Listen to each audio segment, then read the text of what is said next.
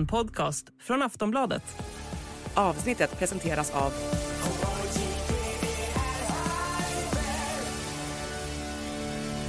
Stödlinjen.se, åldersgräns 18 år.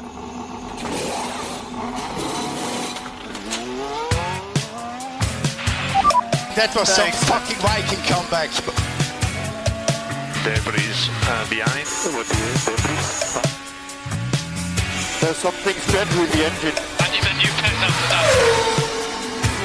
What the, what the? Yeah, what is this tractor? What is this tractor on track? Suck my balls, man. Get my claps and steering wheel. Steering wheel. Claps and steering wheel here. Turen har kommit till Lewis Hamilton den här gången i vårt lilla segment här i Plattan i mattan som vi kallar Förarnas väg. Många gånger så eh, har det varit förarnas väg till där de är idag och må många gånger blir det då förarnas väg till Formel 1. Framförallt tänker jag på när vi har gjort lite yngre förare, när vi har gjort eh, Lance Stroll och vi har gjort Jan Joe och vi har gjort ja, några fler eh, ungdomar i eh, sammanhanget. Men någon som inte är en ungdom längre, Anna Andersson. Det är enligt många the GOAT, the greatest of all time, Lewis Hamilton, som eh, det är dags för oss att gå igenom karriären på. Ja, det är det. Och han har ju en eh, lång karriär innan Formel 1, men också en oerhört lång karriär i Formel 1. Han är alltså vid, vid eh, säsongen 2023 så har han, det är svårt att tänka sig ändå att han har blivit 138 år gammal. Jag sa hon 38 år gammal. Du kändes som 138 Ja, år. 138. Han är inte många år yngre än Fernando Alonso. Nej, det är han inte. Och de där två har ju faktiskt en, en eh, lång historia ihop. Om man tittar på Lewis Hamilton så, så på något sätt så kan man dela upp hans karriär i många olika mindre bitar. För att han har haft en roll som nykomling i Formel 1. Han har haft en, hade en roll när han efter han vann sin första VM-titel. Han hade en annan roll efter den tiden och sen en roll hos Mercedes som man egentligen också kan dela upp i, i före och efter Nico Rosberg. Och sen kommer nu den här tiden vi befinner oss i nu, där han inte längre är den självklara vinnaren. Lewis Hamilton är alltså född 85 och Alonso född 81. Mhm. Känslan bara, när man, när man kollar på dem, är att Lewis Hamilton är född på 90-talet och Fernando Alonso född på 70-talet. Tycker du? Ja, jag tycker det känns som att han är så himla mycket yngre, piggare och fräschare eh, rent levnadsmässigt än vad Alonso är och att Alonso har varit med så mycket längre. Kände du det också när han, eh, han knappt kom ur bilen i Baku, eller 2022 där, när han eh, hade så ont i sin rygg? Nej, då kändes han, nu äter jag lite banan här, Eh, då kändes han ju 73 år gammal, Lewis Hamilton. Mm. Men jag, eh, jag tycker inte att det skiljer så mycket egentligen i ålder med den där på, men det är ju mer eh, personligheten som skiljer sig väldigt, väldigt mycket åt skulle jag säga. Mm. Jag har eh, skrivit upp lite fokuspunkter på Lewis Hamilton för att som du säger, det är en otroligt lång karriär att gå igenom. Och det är många år i Formel 1 och det är många världsmästartitlar att prata om. Och således väldigt många klassiska lopp och mycket racing som man kan prata om med Lewis Hamilton. Jag har skrivit upp, eh, man tänker att man ska gå kronologiskt då, så har jag skrivit upp barndomen, pappan, rasismen, kartingen, Ron Dennis, Formel 3 och sen ett par eh, Formel 1-år som jag känner är viktiga här. 2007, 2008, 14, 15, 16 eh, och 17 och framåt. Hur känner du för det upplägget? Ja, men vi kan väl börja där. Det känns vi kan inte gå igenom varje år. Man får gå igenom de sakerna som han har, eh, där man känner att det har varit en, en eh, större framgång eller av en större betydelse för hans karriär som har påverkat på något sätt. This is Plattan e Matin. Förarnas väg. Man tänker på Lewis Hamilton så tänker man ju nu mer inte bara på honom som en racingförare eller en, eh, en Formel 1-förare. Han är ju ett varumärke. Namnet Lewis Hamilton är ju inte bara förknippat med personen, det är ju, det är ju ett varumärke hela Lewis Hamilton, eh, ja vad ska man säga, Lewis Hamilton-tåget som, Ja, men, som finns. Så är det ju. Eh, Men idag så ser vi ju en, en stark person eh, som står för sin, eh, man kan säga, färgade familjegren och bakgrund, för sin eh, kosthållning, för eh, alla människors rätt till eh, kärlek, rätten att älska vem du vill, rätten att vara den du vill. Men går vi tillbaka så var det inte en sån Lewis Hamilton som kom till Formel 1. Såg man när man följde hans sociala medier, när han började med det, då var det snarare Lewis Hamilton som var ihop med en sångerska i Pussycat Doll. Det var... Eh, Ja, just det ja. Pussycat Dolls. Mhm. Fan vad sjukt det är att ett sånt, en sån grupp har ändå eh, varit på toppen av eh, kulturella världen alltså. Ja, och så- Pussycat Dolls, vad fan är det alltså? Och så var det fräcka bilar, det var fräcka flygplan, det var mycket pengar.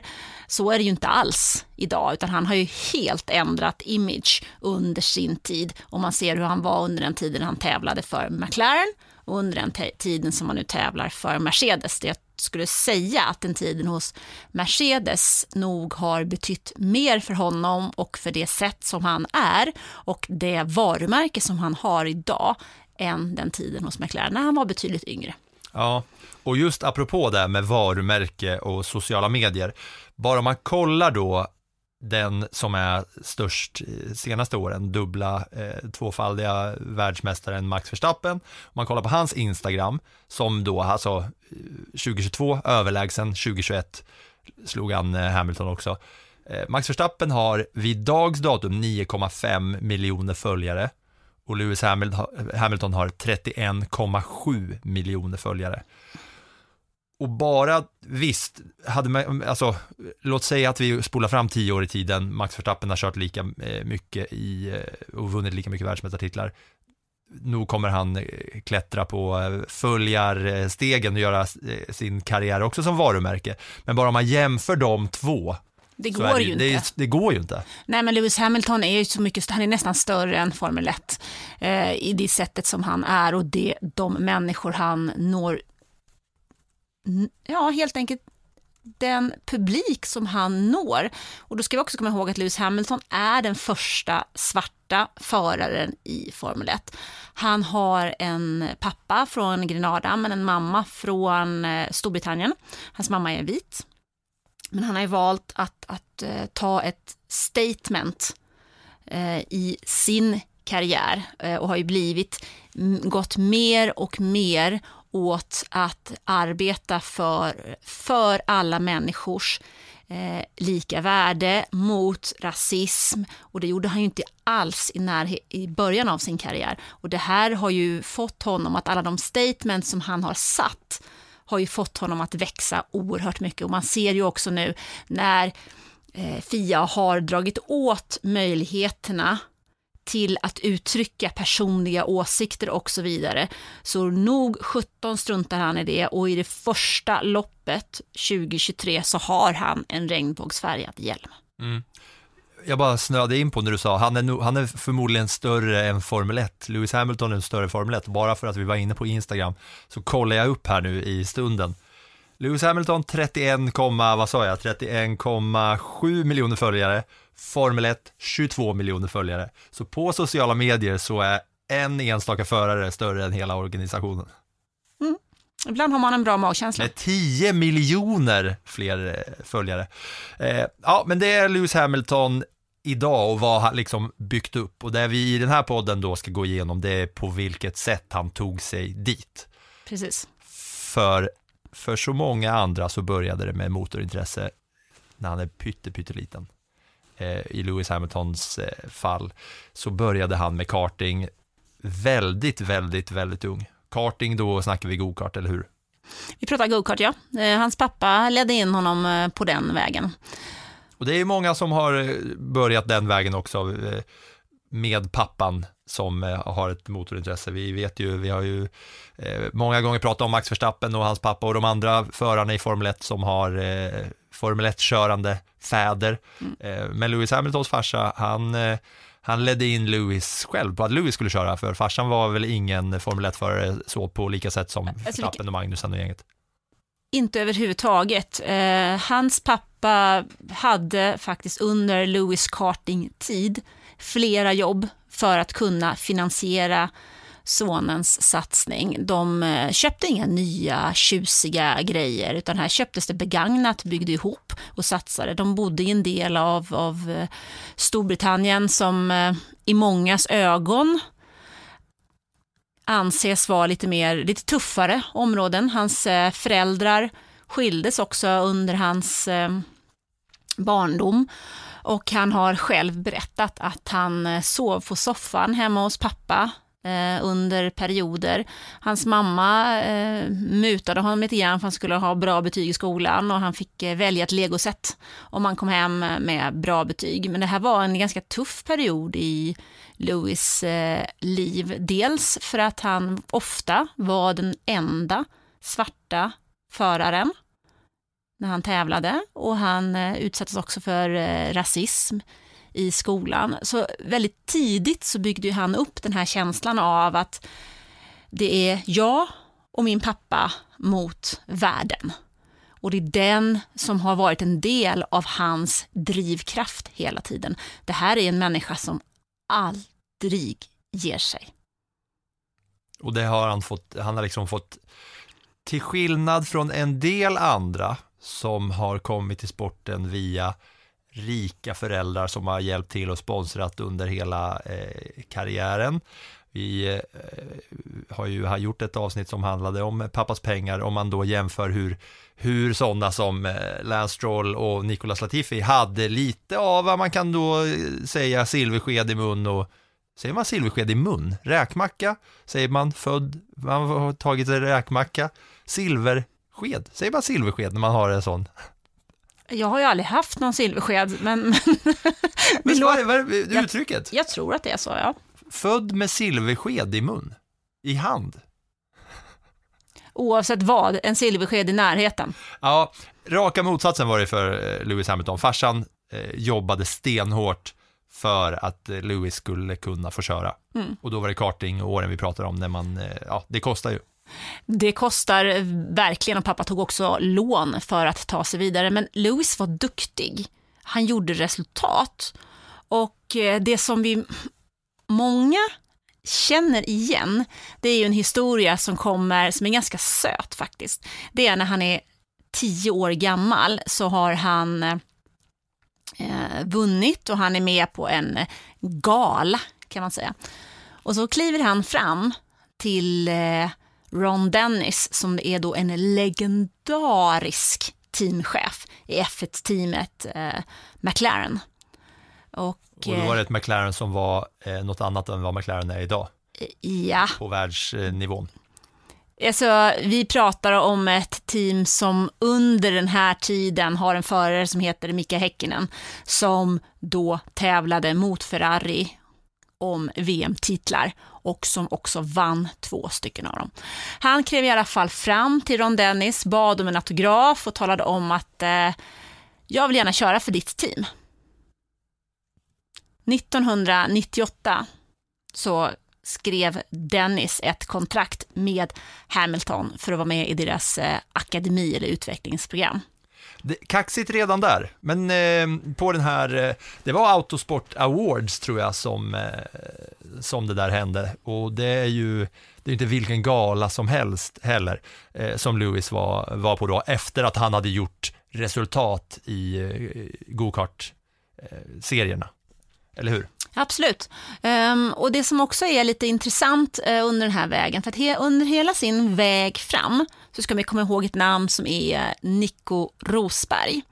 De här två är lika gamla, Lewis Hamilton och Nico Rosberg. Nico Rosbergs pappa heter Keke Rosberg, tidigare världsmästare i Formel 1. Nico Rosberg är född i Tyskland, men uppvuxen i Monaco och har hela tiden strävat mot Formel 1 och haft en pappa, kanske lite grann som, som eh, vissa andra fäder som har kört i Formel 1, som har hjälpt sin son uppåt. Rosberg har gått i fina skolor, pratar minst fem språk flytande. Växer man upp i Monaco så är det inte så att eh, farsan behöver jobba tre jobb, känns det som. Mm, nej, kanske inte riktigt. Ehm, Medan Hamilton då kommer från en helt annan tid. Och de här två möts redan under kartingtiden så blir de teamkompisar. Och det här ska vi ha med oss när vi går sen igenom historien. De är teamkompisar i Formel 3 också och de tävlar om allt.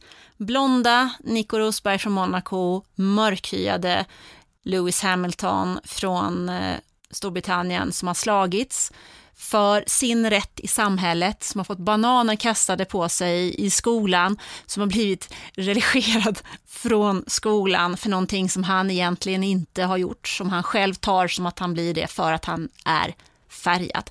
De här två följer varandra, de tävlar om vem som äter mest eh, flingor, vem som käkar mest kakor, vem som trycker flest pizzor, vem som kan köra enhjuling bäst, därför att när eh, Dick Nico har lärt sig köra enhjuling så tänker Lewis Hamilton, det ska jag också göra. De har kuddkrig på hotellrum och i husvagnar som resulterar i att det ligger madrasser på gatan. De tävlar om allt. Och hur träffades de här två då? Ja, men genom att de är teamkompisar. Mm. De är teamkompisar i karting, de är teamkompisar i Formel 3 och vi ska komma ihåg det när vi nu tar Lewis med oss vidare mot Formel 1. Men det börjar med karting, gör resultat i karting och det visas tydligt att han har ju en racingtalang utöver det vanliga. Kliver fram till Ron Dennis på den här eh, motorsportgalan. Och Ron Dennis, om vi tar dagens teamchefer då, är han Toto Wolf, Christian Horner liksom? Det är som, typ, att, som typ. att kliva fram till dem, om man är, hur gammal var Louis då, eh, sa vi där? Tio. Ja, tio bast, om det kliver fram en tioåring till Christian Horner Eh, och eller eh, Toto Wolf då. Men du ska veta att George Russell gjorde faktiskt samma sak. Ja. Fast det var Toto Wolf han klev fram till och hade en plan för sin karriär i kostym. Ja. Så att eh, den där vägen är tydligen populär. Ja, och, och han banade väg för det, för det, tro fan att folk vet om att när man hör storyn om Lewis Hamilton, att det här ska berättas, hur liksom viktigt det ändå är, att vi, vilken karaktär det visar på som tioårig kliver fram till en av de största och säger jag vill köra för, eh, för er. Ja, och sen eh, går det ett par år och då är det inte Lewis Hamilton som eh, ringer upp till Ron Dennis. Nej, utan 1998 som jag sa så skriver alltså Ron Dennis och eh, McLaren ett kontrakt med Hamilton för att, eh, och i det här kontraktet finns en option på att han så småningom ska kunna köra F1 om han nu eh, levererar resultat. Och man ska också ha med sig att under den här tiden, vi är i slutet av 90-talet, början av 2000-talet, så är det Bernie Ecclestone som styr Formel 1. Han är, äger rättigheterna, han styr egentligen allting kring Formel 1. Och hans vision är att få en kvinna och en svart förare till Formel 1. Så det finns ju ett intresse för att vidga sporten som i det här tillfället är väldigt, väldigt vit. Och rik. Och rik. Mm. Okej, okay, då är alltså Lewis Hamilton 13 bast när han eh, då tar nästa steg och då börjar han köra eh, massa av de här underserierna i olika Ja, och det är, det är lite strörace här och där som, som körs. Det, finns, det är så många olika organisationer så det går inte att gå igenom alltihopa. Nej, han eh, kör liksom i eh, Formel Renault, Formel Renault Cup och Formel eh, 3 Euro Series kör han 2004. Men det som är intressant är väl när han eh, 2006 kommer till GP2, nuvarande Formel 2. Och där så vinner han den, den mästartiteln. Ja. Bland annat så han vann också tävlingen i Monaco och det är den här säsongen som lägger grunden för hans steg upp till Formel 1. Och eh, en säsong som är väldigt intressant i det här fallet, det är säsongen 2007. Det är den säsongen när Lewis Hamilton gör debut i Formel 1. Och McLaren skriver det här Formel 1-kontraktet eh, med honom under hösten 2006. Man har redan skrivit ett kontrakt med Fernando Alonso som då är dubbel världsmästare hos Renault. Efter det skriver man ett kontrakt med då den här debutanten Lewis Hamilton. Men man talar inte om det därför att hösten 2006 så meddelar Michael Schumacher som har vunnit sju VM-titlar och är den största föraren i serien att han ska lägga av. Och då är det så här att han har de senaste två åren förlorat VM-titeln mot Fernando Alonso och Renault. Så under hösten bestämmer sig McLaren för att de ska köra med den dubbla världsmästaren Fernando Alonso, som de skrev kontrakt med tidigare under året, egentligen innan den säsongen startade, och nykomlingen Lewis Hamilton. Så när säsongen 2007 startar har McLaren dubbel världsmästare Fernando Alonso från Renault och debutanten Lewis Hamilton. Alla tror att det bara kan gå på ett enda sätt. McLaren, Mercedes heter teamet då, spelar in en fantastiskt rolig reklamfilm. Har du sett den? Alltså när du säger reklamfilm Lewis Hamilton, Fernando Alonso, så minns jag att det var då, eh, jag minns att det var en eh, reklam, en Mercedes, det var en Mercedes-reklam eller var det en Vodafone-reklam? För teamet hette väl Vodafone? Vodafone McLaren Det Mercedes. är den klassiska bilen i alla fall, som, Precis. för den är ju, det är en sån legendarisk bil. Ja. Eh, reklamen, Jo, men har du inte sett den så kliv in på Youtube och, och leta upp den. Googla på Alonso, Hamilton, McLaren, eh, Mercedes eller Vodafone så hittar du den. Det är en reklam där de här två tävlar mot varandra om typ allt. Vem som startar snabbast, vem som kör, eh, vem som springer snabbast in på hotellet, vem som kör snabbast på träningscykeln, vem som sitter längst i bastun i alla fall. till den klassiska låten Anything you can do, I can do better. Anything you can do, I can do better. I can do anything better than you. No, you can't. Yes, I can. No, you can't. Yes, I can. No, you can't. Yes, I can. Yes, I can. Anything you can be, I can be greater. Sooner or later, I'm greater than you. Precis. Och den har man inför säsongen. Så kommer vi till det första racet den säsongen. Hamilton tar en pallplats. Det har inte hänt sedan Jacques Villeneuve gjorde det 1997. Det är alltså någonting väldigt, väldigt speciellt. Det är bara ett fåtal förare som faktiskt har tagit en pallplats under sin första säsong. Och redan där så känner man ju då att Alonso liksom att hej och hå, hur gick det här till? Ja, och då med dagens mått mätt, det är som om 2023 eh, det skulle bli en pallplats till eh, Logan Sargent. Eh, Oscar Piastri, Mac- i eller- McLaren ja, hade eller väl varit 94. en... Ja, Piast- Piastri i McLaren hade ju varit eh, exakt så. Hade han tagit då en pallplats i första racet, då hade man ju gått med hakan mellan eh, hälarna liksom. Ja, och så är det. Och det är ju inte bara det att han liksom tar en pallplats i det första racet, utan han vinner ju 17 också. Han vinner nämligen Kanadas GP i juni och sen vinner han USAs GP i juni. Och han är plötsligt så nära Fernando Alonso att Alonso känner sig oerhört hotad.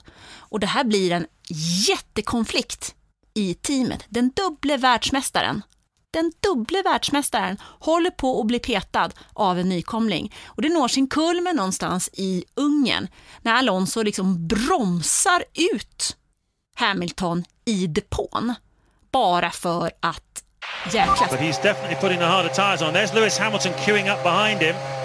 And they've have they raised the lollipop to let uh, Alonso out? Yep, they want him out of there. Now Alonso's not getting on with it. Only a minute and 40 to go. He's, is he blocking Hamilton here? Is that a bit of a tactic within the team there to give Hamilton a bit of a headache? I think it might well be. That's really, really, that's really up to you now, chum. Yeah, James, that was a little bit naughty, I think.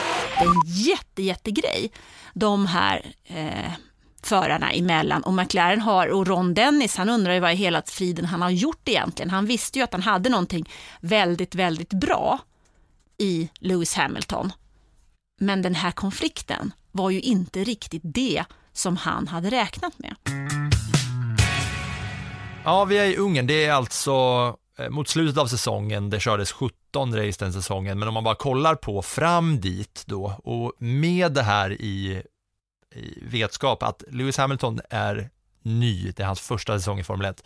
Hans resultat är alltså trea, tvåa, tvåa, tvåa, tvåa, etta, etta, trea, trea och sen eh, litet eh, lopp 10 där, eh, det som var Europas Grand Prix, eh, där kommer han nia. Sen, är han, sen vinner han där i Ungern till slut. Men bara den, eh, bara den resultatraden för en nykomling och särskilt då med den tvåfaldige världsmästaren, om man bara ska sätta det i dagens mått som att Max Verstappen skulle få en nykomling mm, i, i sitt team. Ja, men det är ju som att, eh, låt säga, Nick de Vries hade kört för eh, Red Bull istället och helt enkelt inte bara hotat Max Verstappen utan också varit på väg om och förbi. För det är ju så här. Det blir ju, då, alltså man kan ju tänka sig, då skulle ju Max Verstappen skulle ju då bli så in i bomben kränkt av att någon ens vågade sätta sig upp mot honom. Ja. Och det skulle bli ett hula baloo utan dess like. Ja men så är det ju och under den här säsongen 2007 så är det nämligen också så att det finns en spionaffär. Spygate. Spygate. Och den vill jag nu, Anna, bara som någon slags redaktör för den här podden, inte för mycket Spygate, vi Nej. har pratat lite Spygate, men jag vet att när vi, vi har också pratat om eh, eh, skandalen i Singapore som förtjänade ett eget avsnitt, eh, som var Crashgate. Och jag undrar om inte Spygate också förtjänar ett eget avsnitt. Det är det absolut. Så tänkte jag att när du ska berätta om Spygate nu, så gör du det som en teaser. Precis just det gör jag. För den här spionaffären mellan McLaren och Ferrari handlar om kommer Alonso som förare för McLaren be- bestämma sig för att vittna mot sitt eget stall. Och vi är nu under hösten 2007 och det är otroligt jämnt i kampen om VM-titeln. Lewis Hamilton leder, men sen bryter han det näst sista loppet eh, som är i Kina. Han hade pole position i det racet. Och man kommer in till ett avgörande, till en final i Brasilien där det är tre förare som kan vinna VM-titeln. På den här tiden så fick man 10 poäng för en första plats de åtta första förarna fick poäng. Men allting slutar med att, kort sagt, Alonso och Hamilton slutar säsong- säsongen på exakt samma poäng, 109. Men Ferraris Kimi Räikkönen, han vinner det sista loppet och får 110 poäng. En poäng mer. Och det är tre förare då. Och man pratar om att 2021-säsongen var så jämn när det stod mellan Verstappen och Hamilton. Allt avgjordes i sista racet. Här är det tre förare. Varav två är från ett team och de två slutar på exakt samma poäng. Hamilton rankas mer för han har, alltså han har fler eh, vinster än vad, vad eh, Alonso har. Men det slutar ju alltså med att McLaren klantar bort en VM-titel fullständigt genom att inte kunna tygla Alonso och Hamilton. Därför vinner Ferrari den senaste VM-titeln för förare som de tog. I detta slutar med faktiskt att Alonso lämnar teamet med svansen mellan benen. Den dubble världsmästaren har fått stryk av sin nykomling till teamkollega och återvänder till Renault. För Hamilton har resan mot toppen bara börjat. Det var en bra teaser.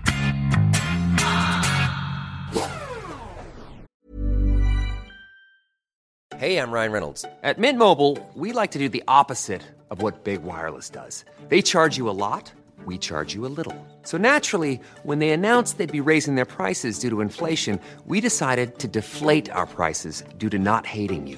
That's right. We're cutting the price of Mint Unlimited from $30 a month to just $15 a month. Give it a try at mintmobile.com slash switch. $45 upfront for three months plus taxes and fees. Promo rate for new customers for limited time. Unlimited more than 40 gigabytes per month. Slows. Full terms at mintmobile.com.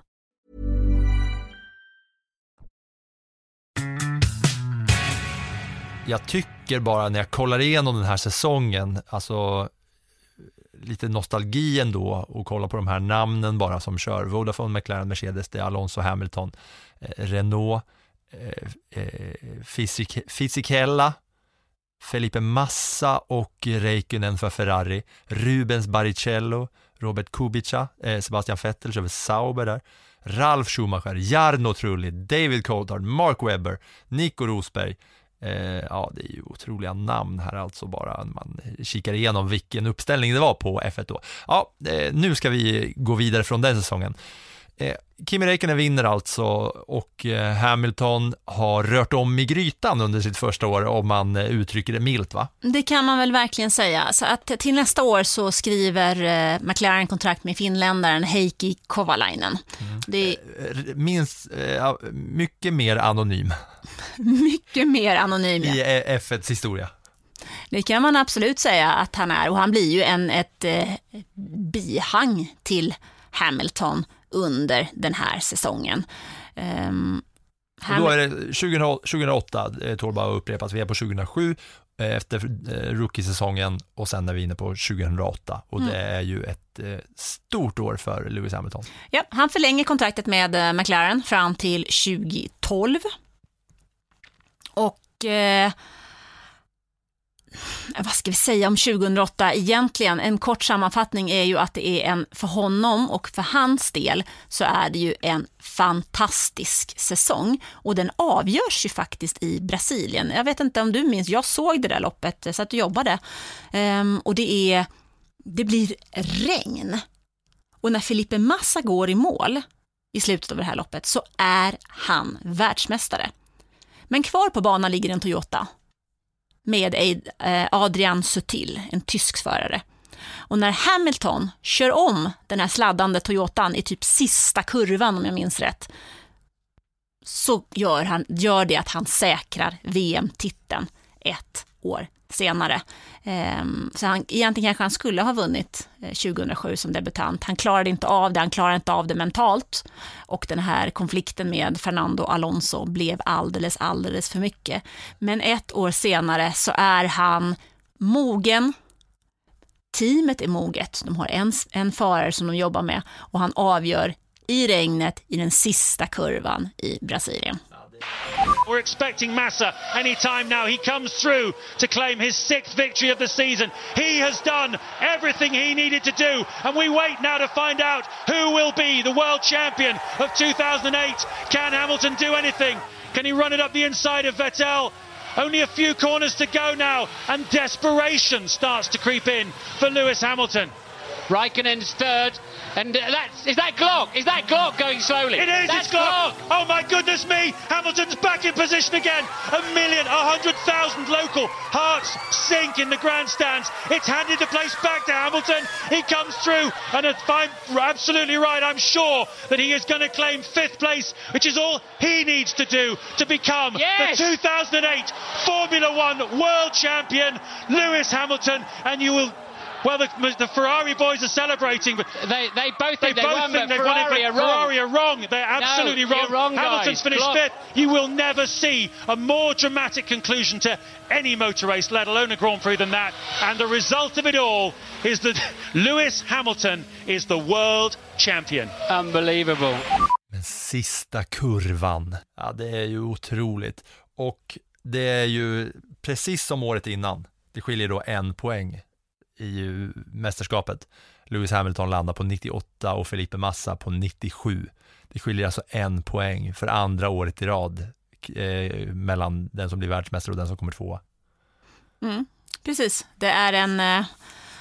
Hur minns du det här nu då? Alltså, man vet ju att nu när Formel 1 har eh, tagit så många steg mot, eh, man har infört nya grejer, man har gjort nytt reglemente och man har infört DRS och allt det här är för att det ska bli bättre, mer spännande racing och mer actionpackat. Men bara nu om man tittar på hur säsongen, de här två säsongerna utspelar sig 2007-2008, minns du dem som lika dramatiska som de är så här när man går igenom dem i efterhand? Men absolut, alltså 2007, 2008 och även 2009 när Braun GP vinner sin eh, VM-titel eh, efter en väldigt bra inledning av säsongen. Den faktiskt utmanas av Sebastian Vettel under slutet av säsongen. De är väldigt, väldigt tajta. Och de här VM-titlarna som Vettel och Red Bull vinner efter, där från och med 10 till 13, det är också flera säsonger som är väldigt jämna där, där Vettel i det sista racet bara ska ta hem det men plötsligt blir påkörd av Bruno Senna vid ett tillfälle under ett år och står med nosen åt fel håll. Så det är många dramatiska säsonger under den här tiden. Det mest odramatiska var ju egentligen efter det nya motorreglementet kom efter 2014. Ja. Och det är då som är nästa Lewis Hamilton-era, om det är honom vi ska hålla oss till. Ja men absolut, det är ju så här att efter den här VM-titeln 20 108 så gör man ett nytt, eh, ja, nytt regelverk igen. Och det är då ett, ett team som heter Braun GP, det vill säga de har köpt, Ross Braun har köpt teamet från Honda för en pund. Men han har kommit på en lösning. Pangpris. Ja, pangpris, verkligen. Han har kommit på en lösning med en dubbel diffusor, så att Honda är helt överlägsna med Jenson Button och Rubens eh, Barrichello under inledningen av säsongen. Eh, ett team som ingen hade räknat med och det här räcker medans, eh, för att kunna vinna titeln, medan McLaren inte alls, alltså du har en riktigt, riktigt dålig bil, det kan nästan jämföra det med McLaren 20, eller förlåt, med Mercedes 2022. Lewis Hamiltons team. Ja, precis. Så att under den här tiden så tappar McLaren. De tappar under de här åren, de är inte i närheten av Braun, de är inte i närheten av Red Bull, utan det här är Red Bulls era. Men vi kommer ihåg namnet Braun GP, därför att det är det teamet som Mercedes sedan köper. Mercedes köper Braun GP, gör en satsning med Nico Rosberg, som vi kommer ihåg var Lewis Hamiltons teamkompis under tiden i karting och Formel 3 och Michael Schumacher. Där gör Michael Schumacher sin comeback. Han är inte alls, han är inte i närheten av vad han var. Och sporten har också eh, utvecklats eh, i, i snabba steg. Ja, men sporten har utvecklats och han har blivit lite äldre, han har varit borta, han... Ja, nej, men det är inte i närheten av. Så han bestämmer sig för att lägga av. Under den här, då ska vi titta igen, 2013 är vi på nu.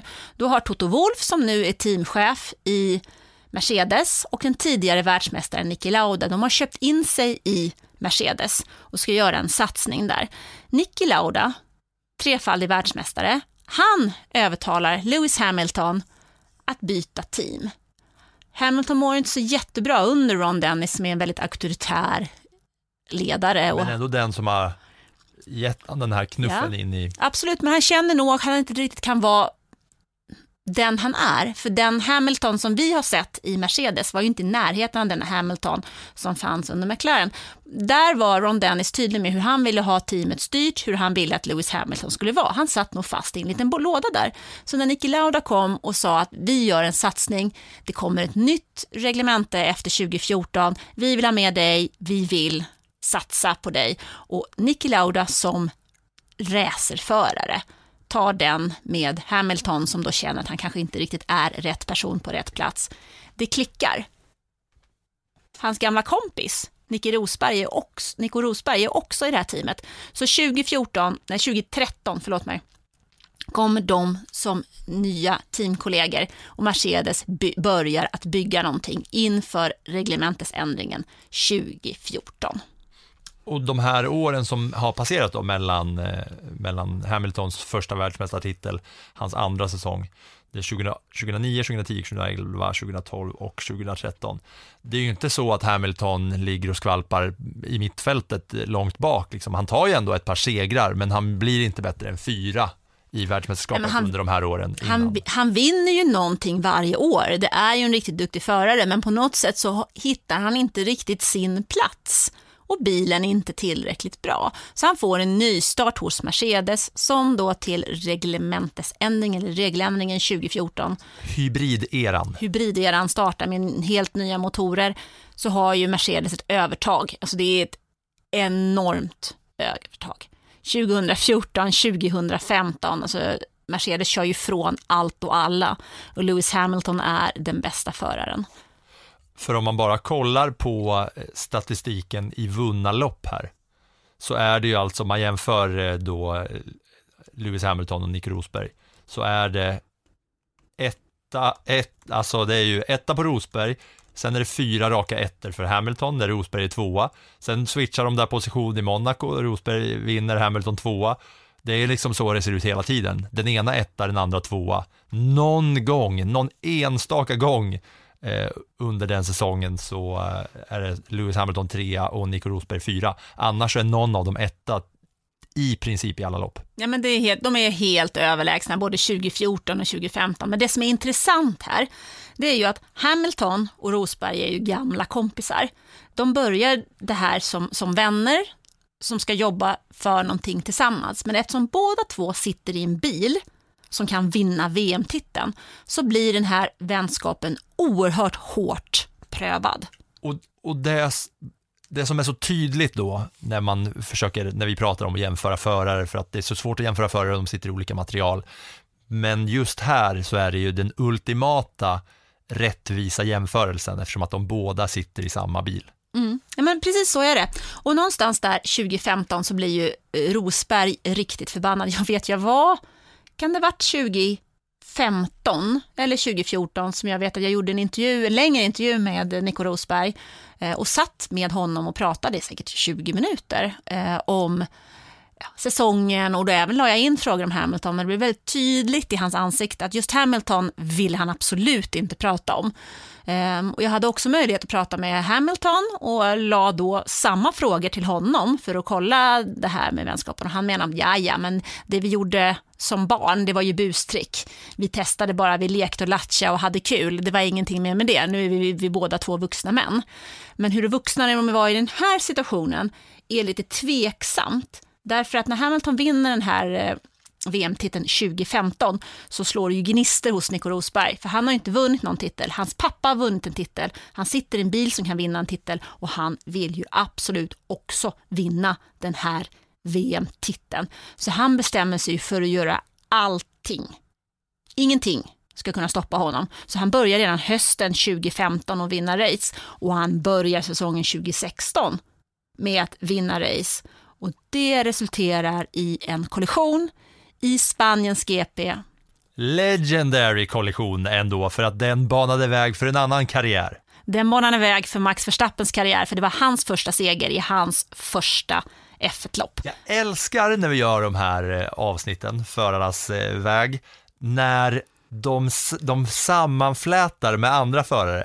För att när man har fokus på Lewis Hamilton, och då har man också, pratar man om, om eh, Nico Rosberg så mycket, fullt fokus där och sen den här kraschen då, det blir ju från ett perspektiv. Men om man pratar om Max Verstappens karriär så blir det från ett helt annat perspektiv.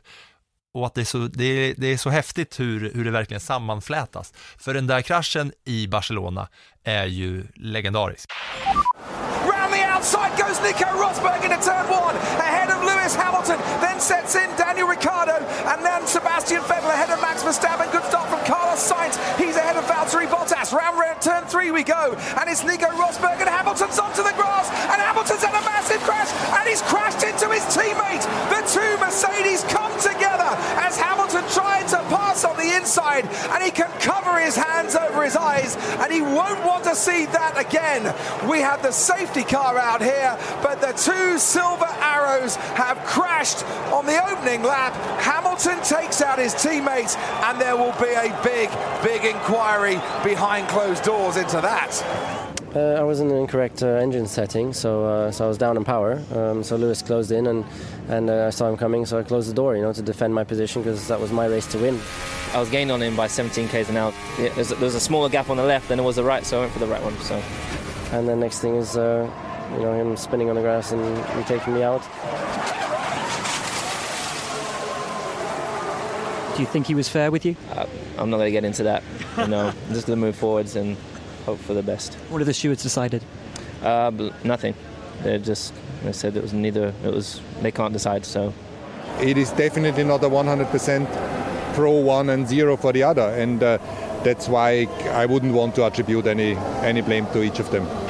Det vart ju ett jättekaos hos, hos Mercedes efter den. Toto Wolff var ju vansinnig, Niki Lauda lika så. Jag vet att jag skrev efteråt att jag hade velat vara en fluga på väggen i Mercedes eh, motorhome Man hade väl kunnat gå med på, man hade kunnat vara en bajskorv i det där rummet, man skulle kunna vara vad som helst, bara man får vara med och lyssna. Ja, men lite så. Alltså. Jag vet att vi, det var ju så att Max Verstappen vann det där racet, men allt fokus från min sida som var på plats för att jobba, det var ju Mercedes. Ja. Mercedes, Mercedes, fullständigt Mercedes. i den där ungtuppen som, eh, som kom upp där. Ja, men hon, det fick man liksom ta från presskonferensen, men det var ju Mercedes man jagade för att kunna få de här eh, bästa citaten och det var det som var den stora snackisen. Och kampen mellan de här två, Hamilton och Rosberg, fortsatte ju under hela säsongen. Och jag vet att jag fick en fråga i någon tidigare podd om det var så att Nico Rosberg hade eh, vad var han har gått, gått ner i vadmuskler var Ja. frågan. Och grejen var ju den att han, han insåg ju att ska han kunna slå Hamilton så måste han ju gå ner i vikt. Så han slutade ju cykla för att tappa lårmuskler. Han är ju baserat på att man får reda på här av dig nu, han är uppväxt i Monaco, en tänkande förare som är supersmart, snackar många olika språk. Man känner ju också att han, han gör jobbet i teorin också. Så mycket det bara går. Han sitter där och gör sina beräkningar för att han är smart och kan lista ut att om jag tappar kilon så tjänar jag sekunder. Ja, medan Hamilton är ju det mer rå racing. Han kör ju på attack. Han går ju för stunden, han har sin erfarenhet och han vet vad han ska gå. Han, han är ju mer ja, men på något sätt mer rå racer, medan Nico Rosberg är ju analytiken som kanske tar lite mer tid på sig, Mm. men som når samma resultat. Ofta är det ju så att du kan ju nå samma resultat, men det finns ju olika vägar dit och så är det ju verkligen i det här fallet. Och det som är grejen med Nico Rosberg är ju att det här är hans enda världsmästartitel. Det här är ju... Som kom, alltså säsongen som vi är inne på nu, 20... Eh, 16. Ja, men det här är ju hans enda världsmästartitel och det går ju så pass långt att Rosberg kan ju vinna titeln i det sista loppet, men även Hamilton kan vinna titeln. Och när man ser racet så ser man ju hur Hamilton, alltså han leder, men han bromsar. Han gör allt han kan för att förarna bakom Rosberg ska hinna ikapp och förbi honom. För Hamilton är på väg mot segern. Men han, det räcker inte att han vinner och Rosberg blir tvåa, utan någon annan måste köra om. Så han ligger ju och, och bromsar helt enkelt. För att det där är också ett otroligt spännande race eh, VM-finalen 2016. Ja, och just att man kan addera det här momentet också, att det gäller inte bara att vinna, man ska också se till att de bakom kör på ett sätt som, eh, som man vill. För som du säger, Rosberg vinner ju de fyra första racen där säsongen, medan det går tyngre för Hamilton, men sen skiftar det där. Så det är, det är ju Hamilton som har vind i seglen mot slutet. Och kollar man då de fyra sista racen, så är det eh, Hamilton tar både pole och seger, Mm. medan Rosberg kommer tvåa Mm. de fyra men- sista och det skiljer då eh, när eh, Lewis Hamilton vinner där i Abu Dhabi så skiljer det fem poäng mellan dem. Mm, ja, men det skiljer 12 poäng mellan förarna när de går in i det sista loppet. Och Hamilton eh, vet ju liksom att om han vinner så behöver Rosberg vara trea. Jag tror, fa- jag tror att jag ska skaffa eh, den här säsongen eh, nu. Jag vet att jag har sagt det någon gång under 2022-säsongen. Jag ska skaffa F1 Pro TV där man kan kolla på alla gamla race och sådär. Men 2016 ska jag baske mig se hela säsongen igen alltså. Ja, men det ska du göra. Och det som är lite intressant med det där, det är ju att fem dagar efter det att Rosberg säkrar den här titeln, så, så jag, jag vet att jag står, jag ska på väg in på ett kvartssamtal på skolan med eh, min son som då går i, på gymnasium i Tyskland. Eh, och jag är på väg in och så piper i min telefon. Så tar jag upp den här Eh, och så, har eh, Mercedes eh, presschef, är väl, Bradley Lord, skrivit ett meddelande då, i en sån här grupp att ja, eh, Nico har någonting att säga. Och jag vet verkligen, jag ska in här, men jag kan, det händer ju Jag någonting. skiter väl i vad min sons lärare har att säga om hur mycket han bråkar i skolan eller inte.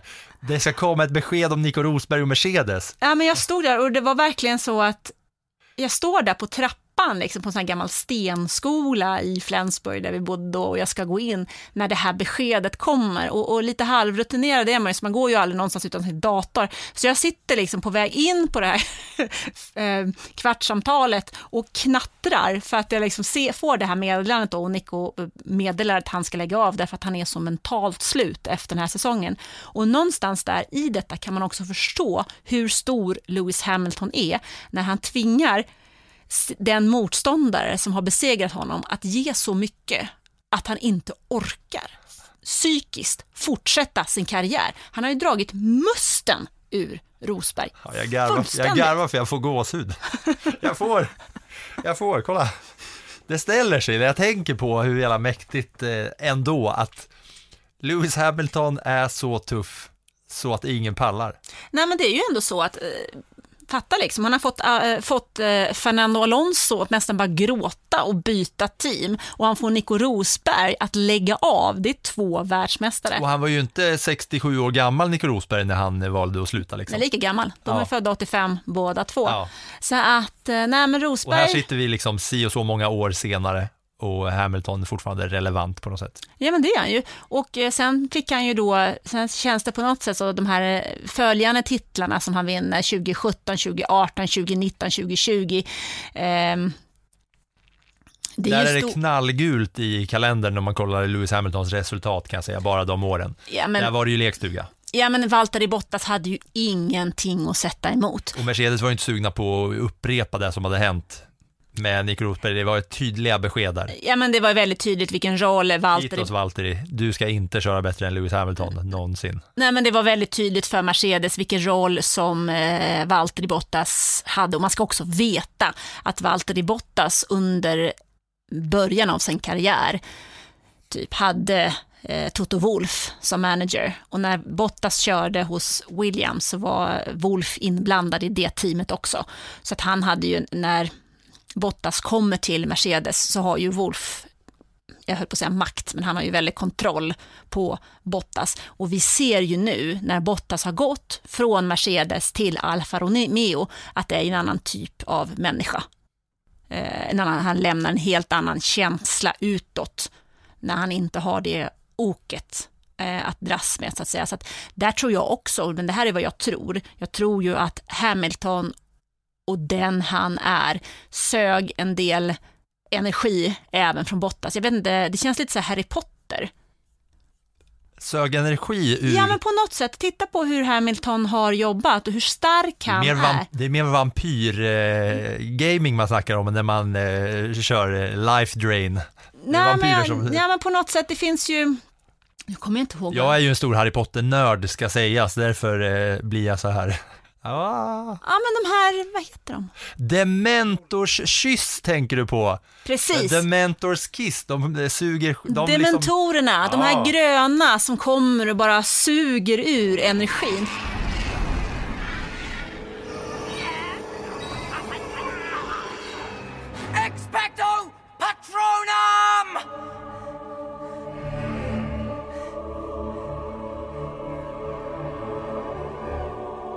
Där, där, och då tänker jag inte på något sätt elakt om Hamilton, utan mer det att han är så dedikerad och så stark i det han gör, att det kräver så oerhört mycket av den förare som kör in till honom, att de inte riktigt pallar med det mentala motståndet som de möter.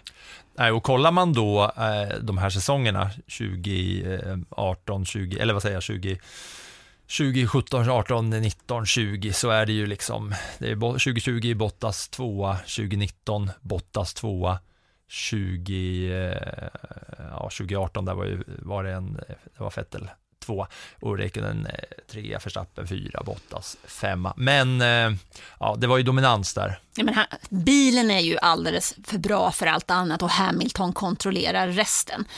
Det, Hamilton har ju varit den stora egentligen fram till 2021 och han var ju på väg att vinna den titeln också. Det var annorlunda det hade varit.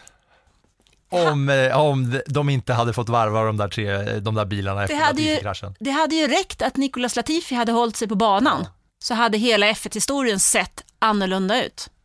Ja, det är intressant när man tänker på det. Ja, och sen är man framme vid liksom, ja men alla, vi har gått igenom så många gånger vad som händer 2021 och 2022. 22 slutar ju Hamilton sexa och det är ju, han har ju aldrig haft en så dålig säsong. Sen Han- han gjorde sin första, han har ju liksom varit tvåa, etta, fyra, femma som sämst, men sen 2022 kommer han Ja, men det som är märkbart i fjol eh, är ju att han faktiskt inte vann ett enda lopp och det har aldrig hänt under hans F1-karriär. Sen, sen står vi nu i ett läge 2023 där eh, det är sista året på hans kontrakt med Mercedes.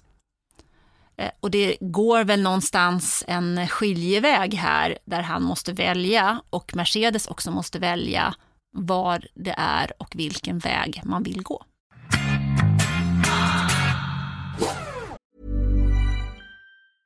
Hey, I'm Ryan Reynolds. Recently, I asked Mint Mobile's legal team if big wireless companies are allowed to raise prices due to inflation. They said yes. And then when I asked if raising prices technically violates those onerous two year contracts, they said, What the f are you talking about, you insane Hollywood ass?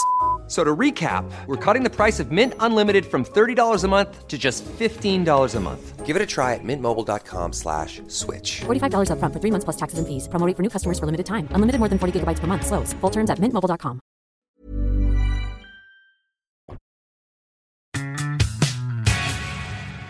Och det är liksom den sportsliga sidan och karriären för Lewis Hamilton. Men på senare år, om du pratar om liksom hur, hur han var i början när han kom som ny och det var Pussycat Dolls-vibbar eh, över Lewis Hamilton, så är det raka motsatsen. Och grejer som man också minns Lewis Hamilton för, det är ju hur han eh, står upp. Jag tänker på eh, när han eh, fick större delen av griden gå ner på knä eh, efter att det var George Floyd eh, Eh, och Black Lives Matter-rörelsen drog igång ordentligt.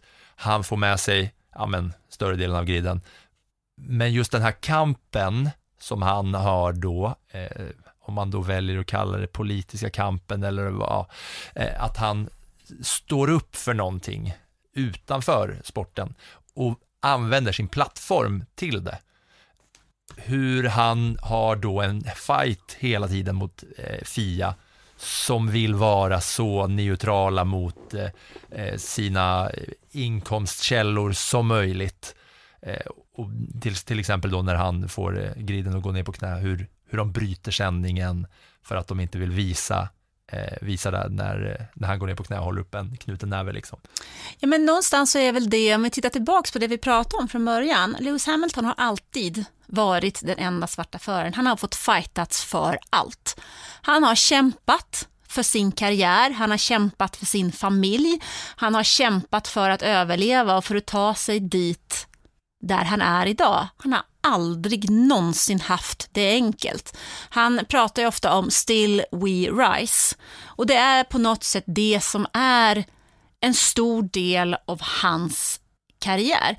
Tittar man på de första åren hos McLaren så var han ju lite i en låda. Han fick inte möjlighet att visa hela sitt inre register. Sen kan man ju tycka vad man vill om honom och hans sätt att leva via sociala medier, att ta ställning och att vara... Det är ju upp till var och en.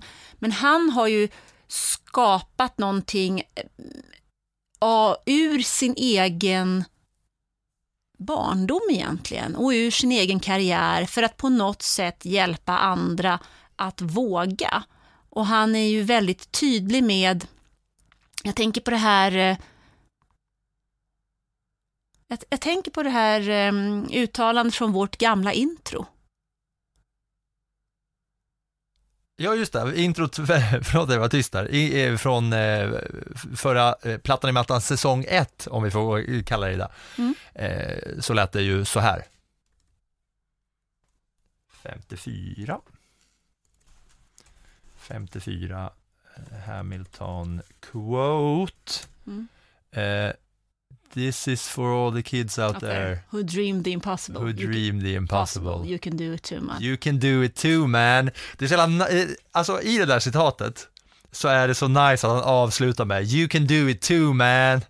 Det är som att han är liksom polare med alla de barnen och alla de som kämpar i motvind och alla people of color som han talar till. You can do it too man. Men frågan är om det egentligen handlar om eh, color eller inte. Jag vet ju att, att det finns ju andra som inspireras av den här sättet att göra det omöjliga möjligt. Han pratar ju egentligen både till dig och till mig också. Jag kan bara säga när jag började jobba med det här, hur många tjejer tror du det var som jobbade med eh, sportjournalistik? En. Ja, jag skulle säga två. Ja. Petra Thorén ja, och, Jane, och Jane Björk. Just det, förlåt, såklart. The Goats av eh, sportjournalistik också. Och ändå, ändå de första gångerna jag klev in på eh, Svenska Dagbladets sportredaktion så fanns det en kvinna som hette Lena Lendin som jobbade där. Men det var väl, alltså det var nästan inga tjejer överhuvudtaget. Och det sättet som Lewis Hamilton liksom agerar är ju ett sätt att visa för alla människor, oavsett hudfärg, religion, kön, sexuell läggning, whatever. att du kan göra detta om du ger dig sjutton på att du kan. Man. Typ. Ja. Eller woman.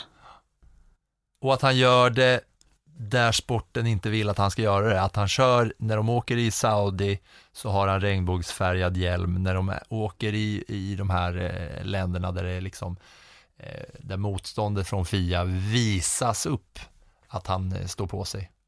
Ja, men han visar ju för alla människor att allting egentligen är möjligt. Men vägen fram till målet är ju sällan rak. Det gäller ju bara att hitta den vägen som passar en själv. Och jag vet att du inte gillar att göra jämförelser mellan förare som har slagit igenom i olika eror. Faktamässigt så har ju Lewis Hamilton eh, väldigt, väldigt många eh, på, liksom, i sin bandwagon om att han är eh, the greatest of all time. Men ni som är experter vill alltid nyansera det och sådär. Så därför kan man väl kanske inte uttalat säga att han är den bästa någonsin av alla som har någonsin kört för att det är så olika, eh, olika eror och förutsättningar och sådär. Men han är väl i alla fall the GOAT av Formel 1-förare som eh, har gjort saker och ting utanför banan. Det är han. Eh, det skulle jag säga att han är ju en av dem i alla fall. Det finns ju ett par till. Jag tänker ju till exempel på Alltså jag tänker ändå på någonstans på eh, sån som Niki Lauda. Jag tänker på eh, eh, Juan Manuel eh, Fangio. Jag tänker också på en sån som, eh, alltså de kvinnor som faktiskt har kört mm. Formel 1. Jag tänkte säga det, det som skulle krävas för att ha någon som utmanar eh, Hamilton är ju en kvinna i eh, en Formel 1-stol liksom. Som eh, på samma sätt skulle kunna stå upp då för allas rättigheter och sådär. Ja, men det finns ju, alltså du hade, det, det har ju funnits kvinnor i Formel 1, alltså Maria Teresa de Filippi som var den första kvinnan i Formel 1, Lella Lombardi som faktiskt tog en halv poäng. Så att det har ju funnits, eh, absolut, men, men det avtryck som Lewis Hamilton har gjort, det handlar kanske, det handlar ju egentligen inte om eh, bara resultat, utan det handlar ju också om alla de människor han står upp för utanför banan, oavsett, precis som jag sa, oavsett färg, hudfärg, kön, religion. Han står egentligen upp för alla och visar att alla har möjligheten, bara man investerar tillräckligt mycket. Ja, det är Lewis Hamiltons eh, både karriär och eh, gärning inom Formel 1 som vi har eh, gått igenom där. Vi kan väl avsluta det här avsnittet med lite Lewis Hamilton eh, ja, lite citat bara som, som vi kan nynna ut på här. Det låter väl egentligen alldeles utmärkt för det är typiskt Hamilton på något sätt. That's for all the kids out there who dream the impossible. You can do it too man. I believe in you guys. Thank you so much everyone for your support. Så tackar vi dig som har lyssnat till det här avsnittet som är ett avsnitt som kommer på grund av att det är lite uppehåll i Formel 1-världen men... Ehm, Eller tack vare kanske? Ja, tack vare. Det är, de här storiesarna behöver också berättas. Jag känner ju varje gång att jag eh, lär mig någonting, trots att jag följer Formel 1 in och ut varje vecka nu för tiden, så är det fint att gå igenom den här, såna här eh, gamla fina stories och bara prata om en säsong och läsa upp namn eh, är något jag gillar. Det gör de i Snett inåt bakåt, Marcus Leifbys podcast. Då har de där för de som är, man, där är man ju eh, Patreon, den görs utanför, det har inget med Sportbladet att göra. Men då har de olika Patreon-nivåer som är då när man supportar podden. Och de som då är på den högsta nivån av supportrar, de som lägger in mest, de får en hyllning då i varje avsnitt baserat på vilket ämne. Så läser man bara upp nostalgiska namn till Enjas eh, musik då i bakgrunden. Så läser man bara upp klassiska namn på samma sätt som jag gjorde i det här avsnittet när jag läste upp eh, bara föraruppsättningen i olika, olika stall. Men nog om det. Nu eh, går vi ut eh, på lite Lewis Hamilton-quotes och tackar för idag. That's for all the kids out there who dream the impossible. You can do it too man. I believe in you guys. Thank you so much everyone for your support. Pull your shoulders back, have your head a little bit higher, and have the confidence you deserve to be here, no matter what anyone says.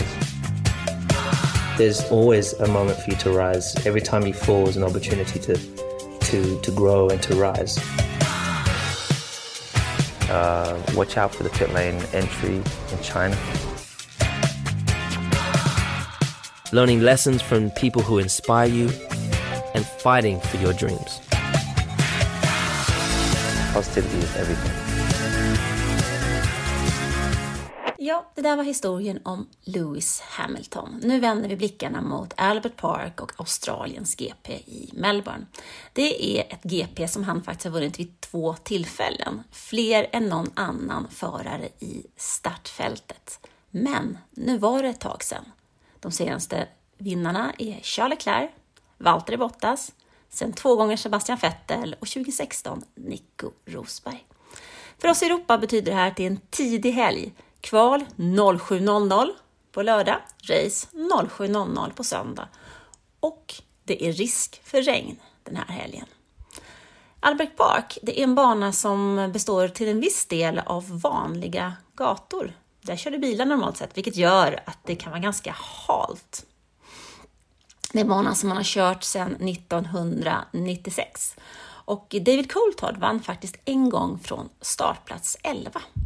Tio av segrarna har tagits från pole position. Det är också en bana som inte alls är speciellt signifikativ för resten av säsongen, så här kan vi få se en hel del överraskningar. Om det nu inte är så att Red Bull är helt överlägsna igen. Och om det nu är så att Max Verstappen och Sergio Perez håller sams. De senaste rapporterna är att det börjar riva lite hos Red Bull. Men mer om det kan du läsa på Sportbladets F1-blogg. Den håller jag uppdaterad under hela veckan. Vi hörs! Hej!